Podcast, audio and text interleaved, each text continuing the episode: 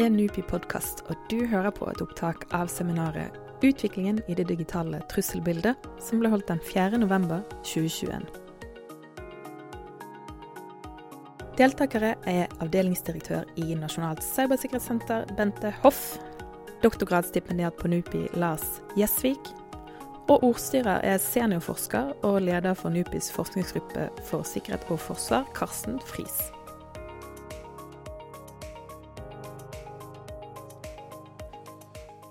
Ja, da begynner vi, dere. Det er veldig hyggelig å se ordentlige mennesker igjen. Og dette er altså det første, første seminaret vi har fysisk uh, på NUPI, ved NUPI, uh, på det vi kaller Forskningssenter for digitalisering og cybersikkerhet. vi har jo hatt noen digitale arrangementer i løpet av pandemien, men dette er det første fysiske. Og det er veldig hyggelig at, dere, at, at noen kom, eller at alle dere kom. Ehm, jeg heter Karsten Friis og, er da tilknyttet dette senteret og også leder av den gruppa hvor dette hører til. Um, og det vi tenkte i dag, var rett og slett liksom å oppdatere oss litt på trusselbildet. Vi leser om cyber hele tiden, og det skjer i hendelser og sånn. Liksom, og vi leser at det blir stadig mer av det, men, men liksom, hva er fakta?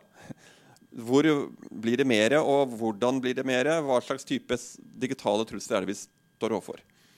Og Da er det veldig fint at en nasjonal sikkerhetsmyndighet NSM, har kommet med denne Nasjonalt digitalt risikobilde 2021. Det ligger noen kopier her oppe. dere kan ta med dere etterpå.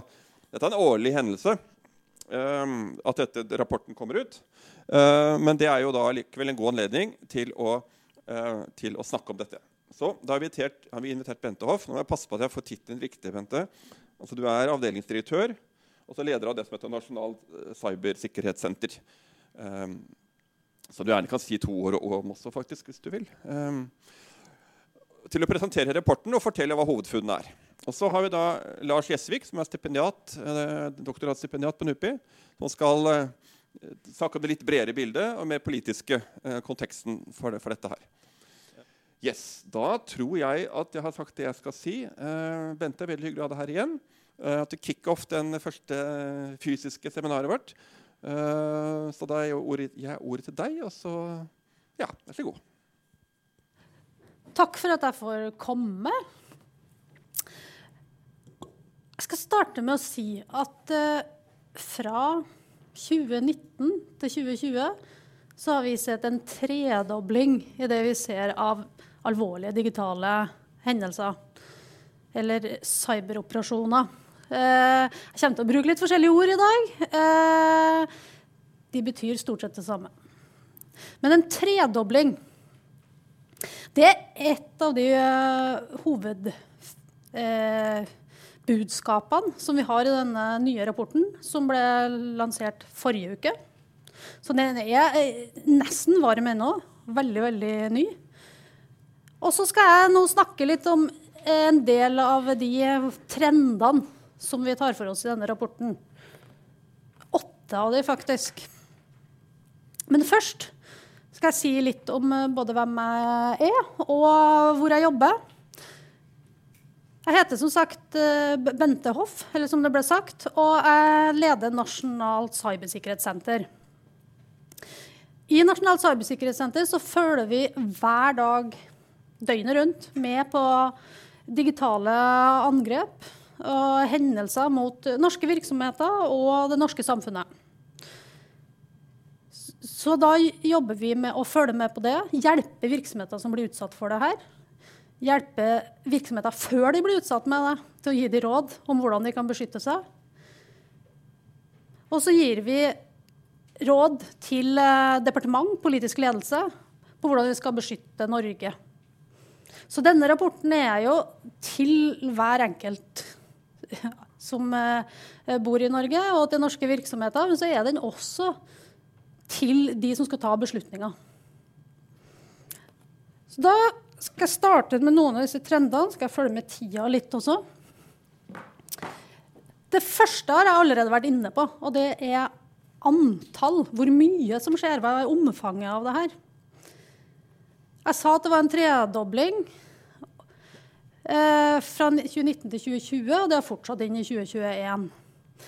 Eh, Dette er jo ikke noe nytt, det at vi har blitt eh, for, norske virksomheter blir utsatt for det her. Men dette kneppet i omfang, det er nytt. Og det kom omtrent samtidig med pandemien. Den endringen vi så. Det er ulike typer, og det er ulike aktører som står bak. Men vi kan nok si det litt sånn at når vi har digitalisert, eh, vi innbyggerne og virksomhetene har digitalisert de siste to årene, så har også de som står bak dataangrep, og kriminelle, de har måttet flytte seg fra den fysiske verden til den digitale verden i samme periode. Det er nok én av grunnene. En annen trend som vi gjør at vi kaller dette et eh, taktskifte, I at konsekvensene har blitt mye tydeligere. Veldig lenge så har jo, for, i hvert fall for mange, så har det med digital sikkerhet vært eh, forbundet med at vi taper sensitive persondata. Som da NSM ikke jobber med. Vi jobber med nasjonale og samfunnsmessige beskyttelser. Eh, vi forbinder det med ren svindel. Og så forbinder vi det nok også med spionasje. Men det som har blitt mye tydeligere siste halvannet året, er tilknytta løsepengevirus eller digital utpressing spesielt. Det sabotasjeelementet der digitale systemer blir fullstendig utilgjengelige og samfunnstjenester går ned.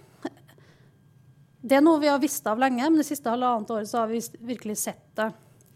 Internasjonalt så har man jo sett det her eh, bl.a. i USA, der drivstofftilførselen ble kutta ut ved angrepet på eh, Colonial Pipeline. Også sammen med kjøttproduksjon. Sykehus har blitt utsatt for eh, eh, digital utpressing. Blitt låst ned og ikke kunne operere. Og så har vi ikke sett så store eh, eller så store konsekvenser i Norge på denne type digitale hendelser. Men vi har jo sett noe av det siste halvannet året.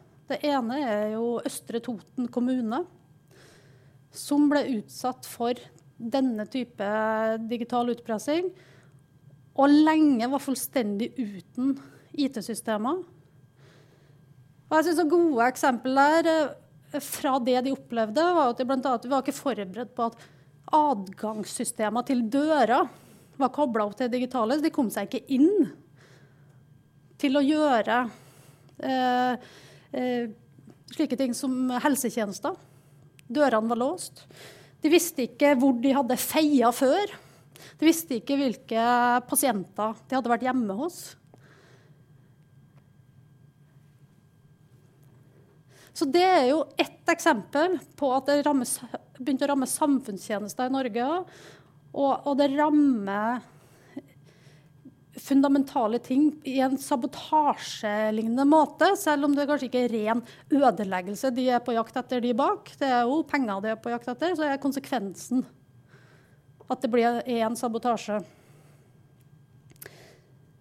En tredje trend er dette med at uh, demokratiet vårt har blitt mer utsatt for uh, i det digitale domenet. Og da er det jo ikke til å komme unna de hendelsene vi har hatt hos Stortinget. Der det har vært, blitt helt tydelig hvor sårbare demokratiet vårt er for uh, uh, cyberoperasjoner. Uh, så skal jeg ikke gå mer inn på akkurat uh, de sakene nå, men jeg skal ta noe, en annen som går i dette på demokratiet. Og det er jo det at meningsutvekslingene våre har i stor grad flytta seg til internett. Og det gjelder jo i hverdagen, og det betyr jo også at ulike aktører, enten det er alt fra aktivister til store stater har en interesse av å påvirke meningsutvekslinga på internett. Og det er jo aller tydeligst når vi kommer til valget. Valget for fire år siden var første gang at vi virkelig la ned en innsats i det å beskytte valget ved å gi råd til Valgdirektoratet om teknisk sikring. Råd til politiske parti, hvordan skal de beskytte seg? Vi har en sosial medieordning som er slik at hvis no, det opprettes en falsk Facebook-profil på eh, sentral politiker f.eks., så kan vi ringe og eh, ja, få det rydda opp i ganske raskt. Nå skal det sies at vi så ingen koordinerte um, forsøk på påvirkning av valget. Det betyr ikke at det ikke var det, men det lot seg ikke eh, finne gjennom eh, det vi så. Men det er klart at dette demokratiet vårt det slutter jo ikke ved valget. Det gjør vi hvert eneste dag. Og det er jo en trend at eh, cybersikkerhet og demokrati er så tett knytta sammen. Da er vi kommet til fire av åtte. Og det er at cybersikkerhet har blitt mer politikk. Vi skal ikke så veldig langt tilbake før vi kalte det ikke cybersikkerhet, vi kalte det IKT-sikkerhet, kanskje. Og det var noe som IT-avdelinga drev med og fiksa for oss. Men bare alt det jeg har nevnt nå allerede, er jo eksempler på hvor viktig det er for samfunnet at det har blitt politikk. Konkrete eh, tydeliggjøring av det ser vi jo da Biden ble president. Og han hadde et møte med Putin eh, veldig tidlig. Og en av de tingene han tok opp da, var cybersikkerhet. Og det å få avtaler og egentlig en slutt på eh, digitale angrep. Så tok det ikke lang tid før Biden også har innført noe som heter Bidens dekret innen det området her. For US, eh, USAs føderale systemer. Med krav, der han vil ha krav til alle offentlige innkjøp. Sikkerhetskrav. Og at alle underleverandører skal i mye større grad rapportere hva som skjer. Eh, og en rekke andre ting. Dette er nok eh, en, eh, et eksempel på at mer regulering innen området kommer til å komme. I Norge så har vi sikkerhetsloven. Eh, innen personvern så har vi jo personvernforordringen allerede. Men vi har den norske sikkerhetsloven. Og EU jobber også mye med eh, regulering innen det området her, i tillegg til at norske myndigheter gjør det på egen hånd. Og det kommer til å komme mer. Og det at USA nå er så tydelig på det, både på egen fjøl og i internasjonalt samarbeid, er noe vi kommer til å se mer av. Fem leverandørkjeder. Det er noen år siden Olav Lystne leverte Lystne-utvalget, som pekte på det med lange, komplekse verdikjeder. Eh, jeg vil jo egentlig si at det var spot on, og det er jo det vi ser nå. Disse utnyttes av aktører, og virksom, for virksomheter er det veldig krevende å ha oversikt over disse. Men den trenden vi har sett, og som er verdt å dra fram eh, denne gangen, er at trusselaktører utnytter underleverandører i så stor grad til å nå målene sine. Eh, for å spare litt tid så skal jeg ikke gå så mye inn på eksempler, men Solar Winds-hendelsen, som kanskje noen kjenner til som var da, Det er en, ja, en softwareprodusent, software som brukes til drift og monitorering av IT-utstyr.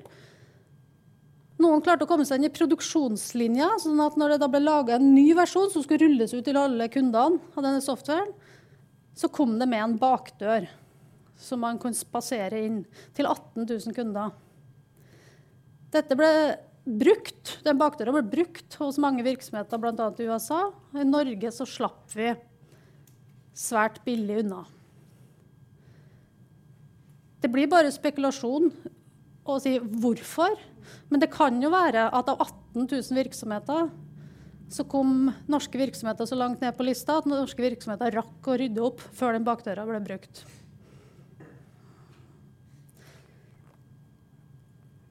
Men vi har også sett ma mange andre tilfeller av det å bruke eh, underleverandører. SolarWinds drar jeg fram fordi den var en sånn aha-opplevelse for sikkerhetsbransjen. Ikke i overraskelse, mer sånn der Der kom den, den vi har venta på. Nulldagssårbarheter. Jeg vet ikke om alle vet hva det er, men det er jo da en sårbarhet en, Kall det gjerne en svakhet i software som ingen vet av. Men når vi kaller det nulldagssårbarheter, så bruker vi det fordi at, at det ikke er helt sant at ingen vet det. Det kan være at én trusselaktør her ute vet, kjenner til det og utnytter seg av det. Det har vi sett flere tilfeller av uh, i år. Det, det, er ikke noe nytt, men vi har sett mye mer av det enn vi har sett før. Og det har vært mer konsekvenser av det. Den siste hendelsen på Stortinget er jo en av de. Det er da en aktør som senere av, eh, har blitt attribuert til å være fra Kina har satt med informasjon om en sårbarhet i Microsoft Exchange Software som ingen andre kjente til, og dermed kunne komme inn ganske ubemerka. Trenden er at vi har sett mer av de. Internasjonalt samarbeid har blitt mye viktigere. Det henger jo sammen med det med politikk som jeg snakka om i stad. Men det henger også sammen med at vi har sett mer eh, cyberoperasjoner som går på tvers av land. Og der det er mulig å se sammenhenger ved å samarbeide på tvers av ulike land. Så når vi jobber med det her, så er det å ha tett samarbeid med andre tilsvarende organisasjoner og kommersielle eh, virksomheter Det finnes jo mange kommersielle virksomheter som eh, gjennom sine systemer får veldig god innsikt i hva som foregår eh, på tvers av land. Gjennom å samarbeide med det her, så har vi klart å få et mye bedre situasjonsbilde av hva som eh, foregår. Og ofte, hvis det skjer noe i Norge, så, så, sender vi informasjon til andre land. Er det da Vi gjør egentlig alltid det. Er det noen som har sett noe lignende? Og ofte så er det det. Og gjennom det så går det an å legge sammen to og to om både hva er det som skjer, hvem kan eventuelt stå bak, hva kan de være ute etter, så hvordan skal man beskytte seg. Og, en, og, det kan samarbeide om å rådgi tiltak til virksomheter, sånn at de kan beskytte seg. Og det skjer mer og mer.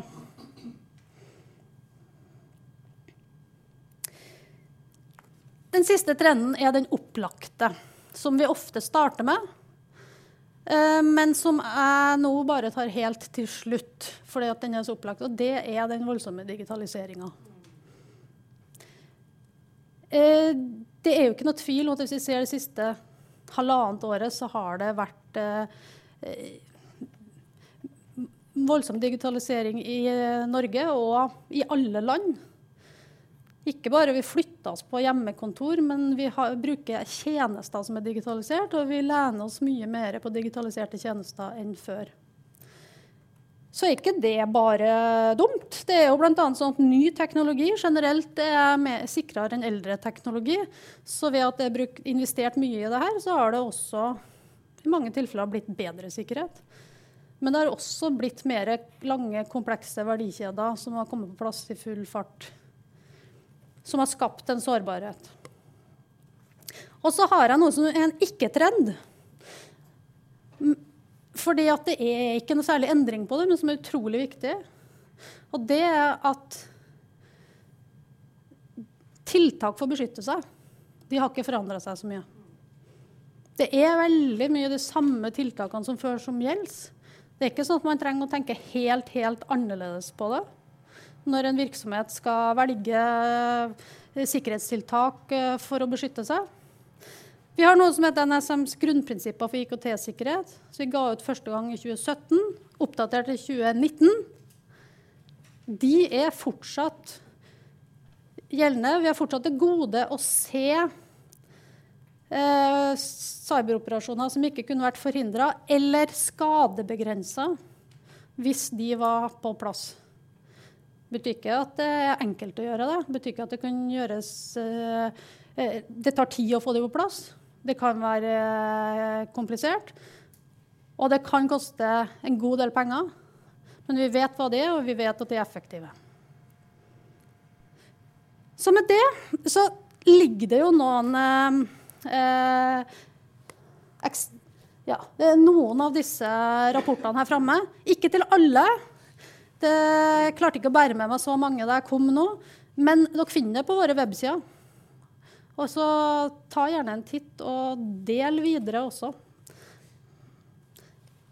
Da sier jeg takk for meg i første runde. Tusen takk, Bente. Veldig bra. Ehm, da skal ikke jeg si mer. Jeg går, ordet rett til Lars. Um, ja. Så jeg ble, jeg ble, bedt om å uh, prate litt etter Bente og prøve å si uh, noe om som kan sette den uh, veldig fine rapporten som nylig har kommet, i en slags sånn større internasjonal og geopolitisk kontekst. Så da fikk jeg jo både en god mulighet til å lese rapporten og tenke litt og reflektere litt rundt den. Uh, samtidig så fikk jeg beskjed om å prøve å holde det på sånn omtrent 15 minutter, som er en veldig krevende oppgave når man skal dekke et såpass stort tema. Uh, jeg skal prøve å få det til. Jeg skal prøve å si noe som ikke er opplagt. Og jeg skal prøve å gjøre det spennende å høre på. Så kommer sikkert én eller alle av de til å ryke, men det får vi ta uh, når det kommer. Um, så hvis det er to hovedpoenger som jeg håper at dere kan få med dere fra det jeg skal snakke om, så er det dette. En, digitale operasjoner, cyberoperasjoner, har uh, blitt et effektivt, men også begrenset verktøy i internasjonal politikk som har klare bruksområder, men også klare begrensninger. Punkt to økte internasjonale spenninger stiller og kommer til å fortsette å stille vanskelige politiske spørsmål for Norge, både nasjonalt og internasjonalt framover. Eh, og kommer, kommer nok til å farge eh, politikken på flere områder enn bare det digitale. Så var det litt sånn gøy å lese eller gøy er feil ord, men å lese rapporten og sammenligne med de tidligere rapportene NSM har kommet med. Når du leser rapporten fra 2017, eh, så er hovedkonklusjonen at det er eh, få hendelser, men et jevnt trykk. Også i 2019 så er hovedkonklusjonen eh, stadig flere hendelser, et jevnt økende trykk. Og nå i 2021 så snakker vi om en, noe som nærmest kan kalles en eksplosjon, med tredobling i antall hendelser og langt flere alvorlige. Både her i Norge, men også internasjonalt.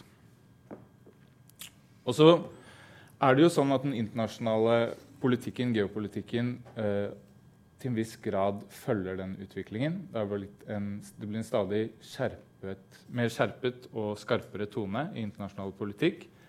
Eh, framveksten av Kina som et alternativt maktsentrum globalt begynner for alvor å gjøre seg gjeldende. Og digital teknologi er både i sentrum av den utviklingen og påvirket av den utviklingen. For det er sånn at interna Den internasjonale politikken eh, påvirker veldig mye av det Bente har snakket om i dag. Og veldig mye av det Bente har snakket om i dag, påvirker også den internasjonale politikken. Dynamikken mellom de to blir mer og mer framtredende og viktig. Men Før jeg går inn på det konkrete, så har jeg lyst til å bare ta litt tid og si noe om hva vi kanskje har lært av cyberhistorien, som kan gi en slags sånn ramme for denne rapporten. Eh, for det er lett å tenke at eh, cybersikkerhet er et nytt felt, og til en viss grad så er det det, men det er også flere tiår gammel. Og vi har flere tiår med erfaring som gir oss noen viktige lærdommer til å ta med seg videre. Og jeg har lyst til å trekke frem, Det er veldig mye som er skrevet om det. Det er mye som er klokt som er skrevet, og en del mindre klokt. Men jeg har lyst til å trekke fram eh, særlig to bidrag som jeg tenker kan eh, eh være verdt å ha i bakhodet. Eh, ben Buchanan har gått gjennom de siste tiårenes eh, Han tar på en måte et stort bilde de siste tiårene. Den digitale politikken. Hva har skjedd, og hva kan vi lære? Hans kanskje viktigste uh, hypotese slash lærdom av dette er at uh, digitale operasjoner er lite effektivt til å forandre hvordan stater oppfører seg. Som et maktmiddel så har det klare begrensninger. Og det er lite egnet til å både signalisere intensjoner, fordi det er så uh, vanskelig og forvirrende å signalisere. Det er så mye usikkerhet. Men det er også begrenset når det kommer til sammenlignet med tradisjonelle militære virkemidler. Uh, selv om det var teknologisk avansert, så gjorde Stuxnet-viruset lite med Irans uh, atomvåpenprogram. Gjentatte russiske angrep i Ukraina har ikke svekket ukrainsk motstandsvilje i nevneverdig grad. Og Nord-Korea klarte ikke engang å forhindre Sony å gi ut en film som gjorde narr av diktatoren deres. Der digitale operasjoner er effektivt, er i bakgrunnen. Som å forme eh, verdenspolitikken og forme mulighetsrommet stater opererer i. Man kan bruke digitale operasjoner til å vippe, eh, vippe avgjørelser til sin fordel, til å få et overtak om informasjon og, og få en form for strukturell makt som, som, påvirker hvordan andre stater oppfører seg.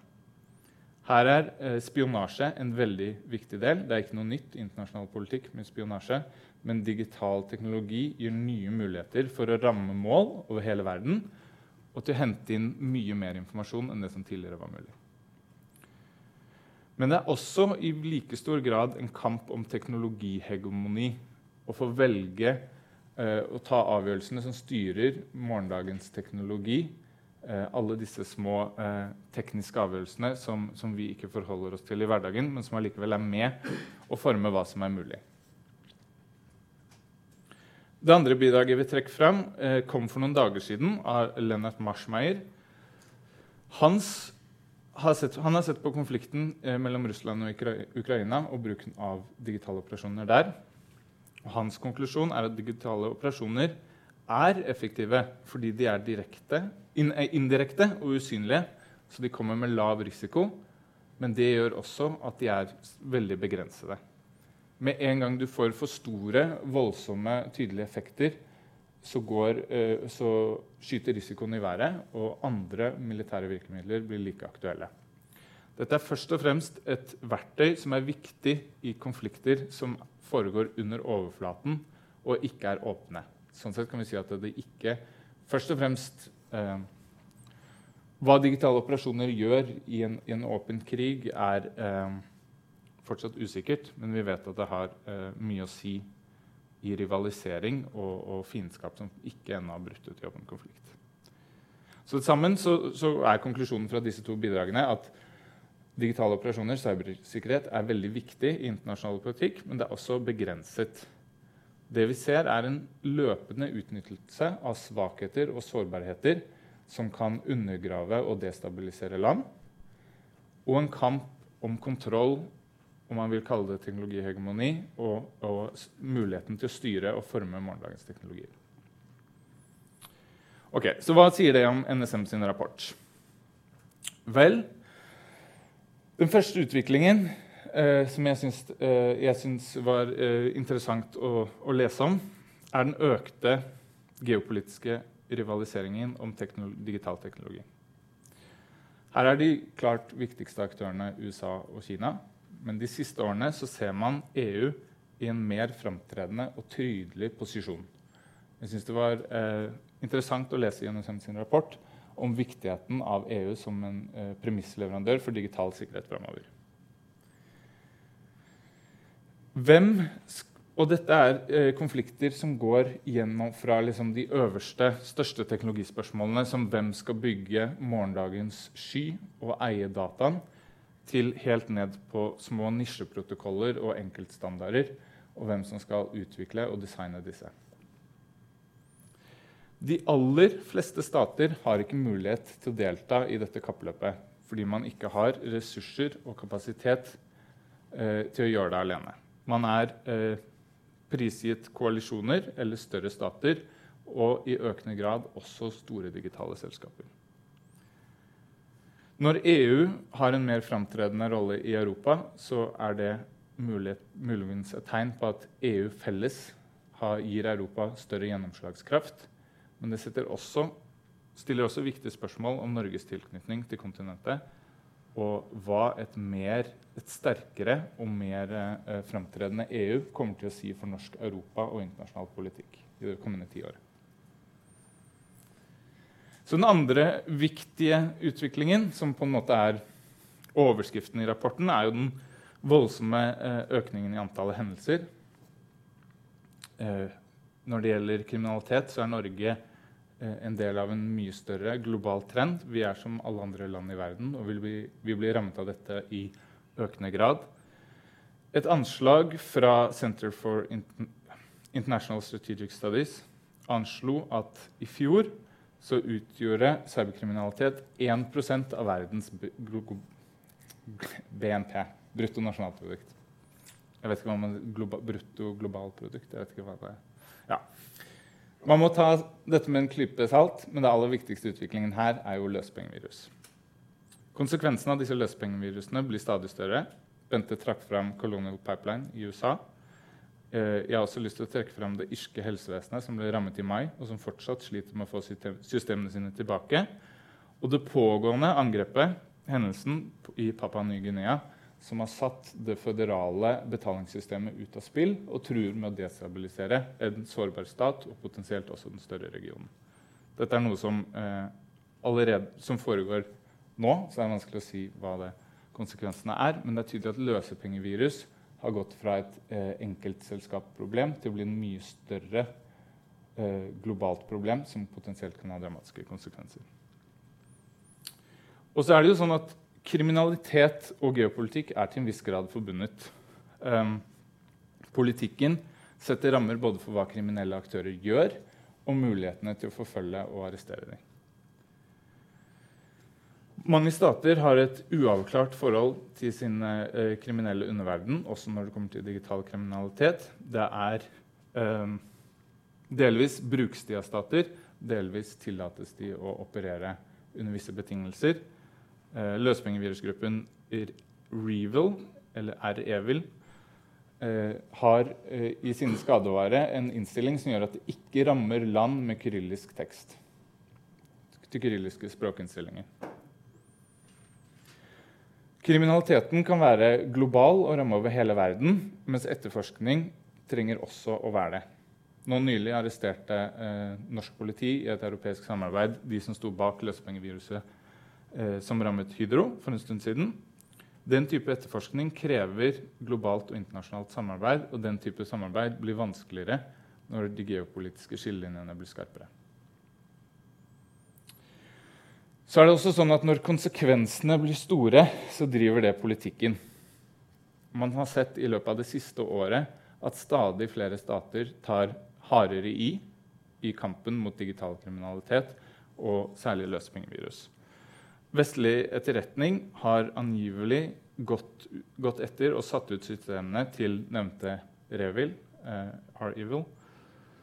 I går ble det israelske eh, altså spionprogramvareselskapet eh, NSO svartelistet sammen med tre andre selskaper, amerikanske myndigheter. Noe som signaliserer en mye sterkere vilje til å ta et oppgjør med både kriminelle grupper, men også forretninger som tjener på utnyttelse av digitale sårbarheter. Dette er delvis positivt, men det er ikke global enighet om normene som skal styre digital politikk. Og dette gjør også at sterkere, eh, å ta sterkere i kommer med, med noen tydelige risikoer. Det har vært eh, kritikk mot Vestens håndtering av SolarWinds, også fra tidligere etterretningsoffiserer som anklager eh, Vesten for dobbeltmoral, for å, å, straffe Russland for noe man i stor grad gjør selv. Her er detaljene uklare, men det er eh, om man eh, ikke følger normene man krever at andre skal følge, så vil det undergrave den internasjonale stabiliteten.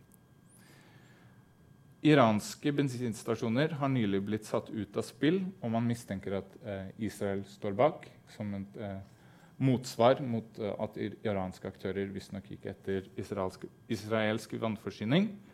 En av de viktigste normene vi tross alt har hatt for digitale operasjoner, er å skåne kritisk infrastruktur. Den type eskalerende dynamikker er farlig også globalt, selv om det foregår regionalt nå. Mer aktive stater som også agerer utenfor sitt territorium, pluss uenighet om hva som er lov og ikke, er en mulig betydelig risiko og noe som er verdt å følge med framover. Samtidig så har jeg lyst til å trekke frem at disse to utviklingene, den kampen om teknologiske hegemoniet og de løpende hendelsene, henger også til en viss grad sammen. Trenden i dag er mot to separate, kanskje flere, digitale systemer um, som i, begrenset grad samhandler. Hva det kommer til å gjøre med begrensningene som tross alt finnes i at vi deler de samme operativsystemene og den underliggende digitale infrastrukturen, er vanskelig å si. Men om det blir sånn at verden går mot digitale skillelinjer som følger de geopolitiske, så er det ikke usannsynlig å tenke seg at det også kan føre til langt flere hendelser. Så for å prøve å summere opp dette er et veldig komplekst bilde. Det skjer mye fra ikke bare fra år til år, men fra, fra måned til måned. Det er mange flere hendelser, og det er mye mer politikk nå, på godt og vondt. Samtidig er det ganske store politiske plater som er i bevegelse, og som påvirker digital politikk, og som også er påvirket av digitale hendelser. Alle disse utviklingene kommer til å stille Norge noen vanskelige spørsmål på kort og lang sikt. Både om hvordan vi skal fordele ansvaret mellom det private og det offentlige, noen viktige verdiavveininger nasjonalt, men også vanskelige spørsmål om Norges rolle internasjonalt og i Europa. Eh, og jeg tror sannsynligheten er veldig, veldig liten for at Bente står her neste år og forteller om at antallet digitale hendelser har stupt, og at problemet i stor grad er løst.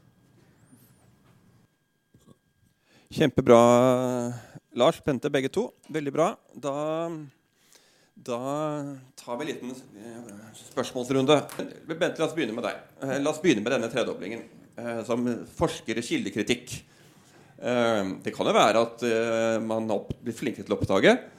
Ja. Kan det være at samme hendelse rapporteres At det er samme løs... Altså samme skade Kan det være at samme altså Zero Days som brukes på flere altså, er, det, er det samme skadevaren som går flere steder, eller er det ikke? Så kan du si litt mer om, om uh, tallene. Hva en tredel, eller tredobling, ja. hva det betyr? Ja, først kan jeg kommentere at uh, når vi teller, så teller vi eh, antall som er ramma. Eh, også at mange av de kan ses i en sammenheng. Som en, i en større cyberoperasjon er på en måte en annen sak. Så vi ser på mange som er ramma. Og de tallene vi bruker, er jo da tall fra hva vi ser. Eh, så det er klart at det finnes eh, mange usikre faktorer her. Både mørketall på hva vi ikke ser. Eh, vi tror jo også at vi blir litt flinkere til, Eller vi mener vi blir flinkere til å oppdage ting. Det kan også være at norske virksomheter har blitt mer bevisst, sånn at mer rapporteres inn. Men det er allikevel så fundamental vekst, og det stemmer så godt med alle eh, internasjonale tall eh, vi også har sett, og de tallene vi ser eh, ja, fra også andre som uh, følger med på antall hendelser, at uh, det er en vesentlig endring uh, til tross for alle de usikkerhetsfaktorene. Det er vi sikre på. For EU og NISA kom vel også nylig med en sånn tilsvarende rapport, og det er samme bilde, er det ikke det? Jeg er egentlig til gode for å se noen rapporter som ikke peker i akkurat samme retning på det her.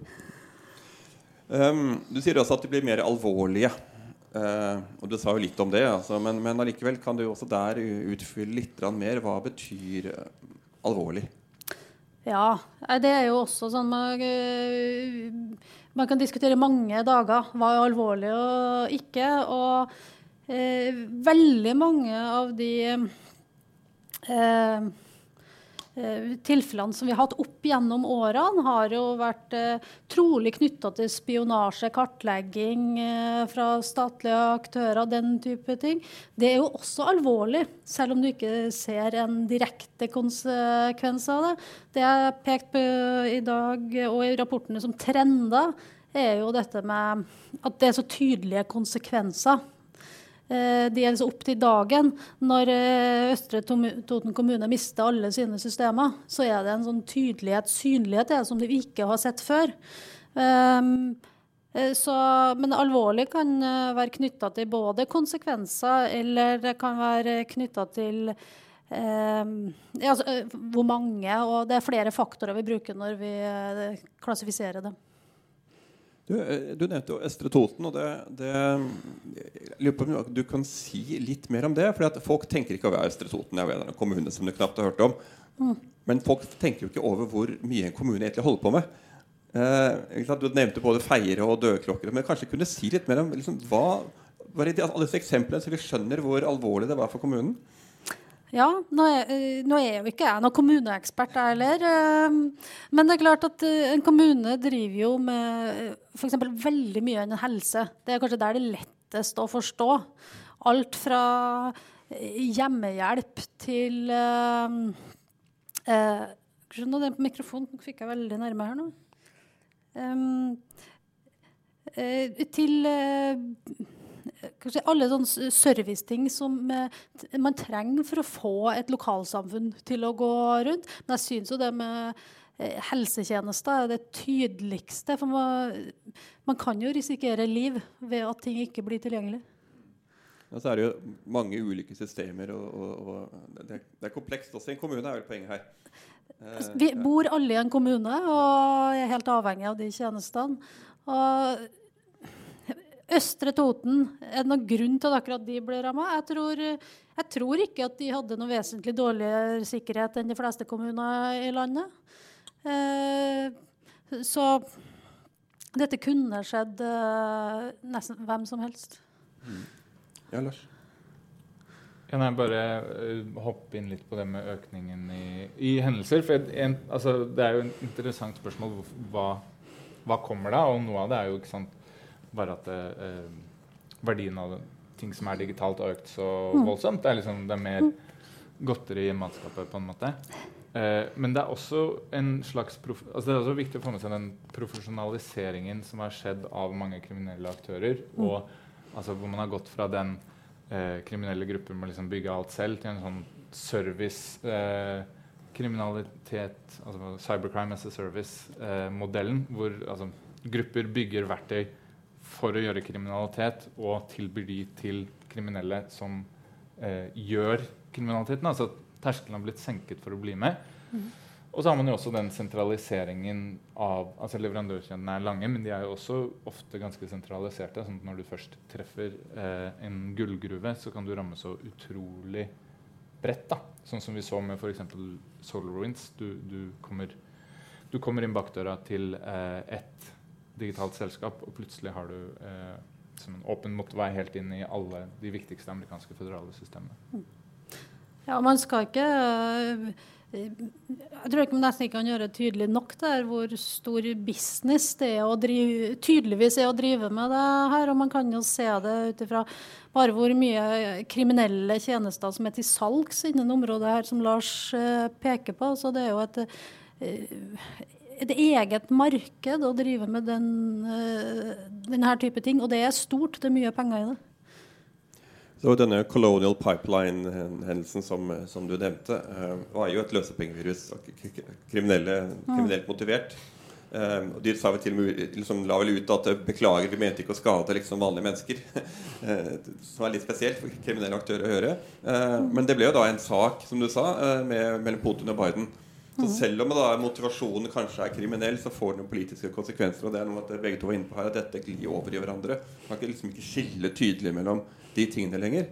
Eh, fordi det kan, Uavhengig av motivasjon så kan det være få politiske konsekvenser. Eh, Lars, kanskje du eh, kan også liksom, tenke litt, snakke litt mer rundt det. Du var inne på det. Men, men, det er jo det spennende her, hvordan dette glir veldig over i hverandre. Det, ulike, altså det, det, politiske det, er ikke bare politiske motivasjoner, men også politiske konsekvenser. Mm. Um, ja, nei, det, den, det, er veldig gøy med den uh, Colonial uh, Pipeline, hvor de altså, for det første som går ut og sier prøver å på en måte lage en sånn etisk eh, kriminalitetsmåte, hvor de sier sånn Vi skal ikke angripe dette og dette. Vi skal bare ta pengene fra, fra disse typer selskaper, og det, da går det fint. Men også, sant, de har jo eh, kundesentre og, og eh, sånn kundebehandlingssentre. Det er ganske profesjonaliserte, profesjonaliserte aktører, det her. Det, det henger jo unektelig eh, sammen. Og Én ting er jo dette med at eh, hva Altså, kriminelle aktører får lov til å operere ut fra antar man, ut fra visse stater, med liksom noen begrensninger. En, man har f.eks. spekulert i at eh, noen av disse russiske løsepengevirusaktørene får lov til å, å, å, operere så lenge de ikke eh, rammer ikke sant, kyrilliske språkinnstillinger, men også er disponible for eh, staten under visse forutsetninger. Der er det en, det er en, en veldig fin bok som heter 'Cyber Mercenaries', som tar liksom for seg ulike, må, ulike, måter staten bruker private aktører i ja, Det er vel USA, Kina og Russland som er liksom casene der. Uh, så det er jo på en måte én side av det. er jo at Disse kriminelle gruppene er jo også en potensiell ressurs som kan brukes uh, geopolitisk når det passer. Og så er det jo denne andre dimensjonen med at uh, løsepengevirus var lenge eh, plagsomt, men nå begynner det å bli eh, så stor, omfattende problem, og også få så store konsekvenser, eh, sånn, som, sånn, som, vi ser flere steder, eh, Østre Toten, men andre steder i verden, at det er på en måte ikke mulig å bare eh, se en annen vei eller eh, oppfordre, oppfordre, private selskaper til å liksom, ta cybersikkerhet på alvor nå, nå, mener vi det, nå må dere virkelig ta det på alvor. Man begynner å må, altså flere, flere og flere stater begynner å si at de må ta en mer aggressiv og, og konfronterende eh, rolle for å få bukt på det problemet. Og det er jo eh, kanskje en løsning, men det er jo også en løsning Altså Man har kviet seg for å gjøre det lenge mm. av en grunn. Og det er jo fordi du trår over potensielt noen grenser for eh, hva en stat kan gjøre innenfor en annen stats grenser. Eh, du, du begynner å tråkke ut i ganske mm. farlige områder. Da. Skal jeg, jeg vet jeg noen spørsmål der, men bare for å følge opp akkurat den biten her, altså, USA har jo sagt at de skal offensive cyberoperasjoner og slikt. Sånn. De har jo gått ut, og Noen andre land har gått ut og sagt at de kan altså, respondere ikke bare ved å utvise diplomater eller være, stå foran uh, UD og, og si fy-fy, men faktisk altså, respondere i det digitale domenet også. Mm. Og da, da, får vi jo litt sånn eh, cyberkrig, eller, hva, eller hva, hva, vil du, hvordan vil du Nei, uh, både USA og, og, nylig Storbritannia har, har, vel gått ut og sagt at uh, de kommer til å respondere på det de ser på som statlige cyberangrep med, med sine egne offensive uh, egne offensive verktøy. Da. Sine, sin etterretning, sine militære kapabiliteter. Eh, og så har også uh, USA og Nederland og Australia tror jeg, gått ut og sagt at de kommer også til å bruke uh, sine etterretning, sine offensive cyberkapabiliteter til å gå etter løspengevirusgrupper. Ikke for å, å, ta dem, men for å gå etter f.eks. betalingssystemene deres. Gjøre, undergrave lønnsomheten til løspengevirus. Så det er jo både en mer sånn konfronterende holdning overfor andre stater, men også en mer konfronterende holdning overfor kriminelle grupper. Hvis jeg kan legge til noe der ikke sant, som, eh, eh, Jobben der jeg jobber, er jo å beskytte og skadebegrense, og med fokus på det. så øh, Overhodet ikke fokus på den offensive sida i hele tatt. Men en viktig øh, del av det vi snakker om nå, er jo dette med at det, det trigger internasjonalt samarbeid.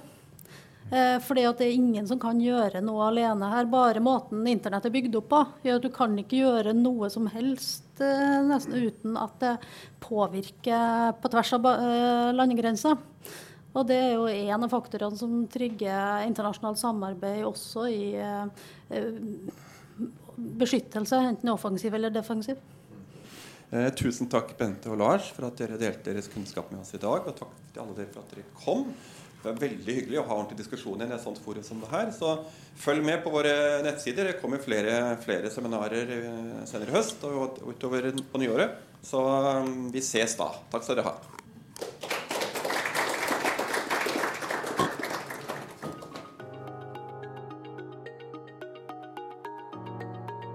Du har hørt et opptak av seminaret 'Utviklingen i det digitale trusselbildet', som ble holdt den 4. november 2021. Husk å abonnere på vår podkast for å få med deg flere spennende arrangement og andre podkaster.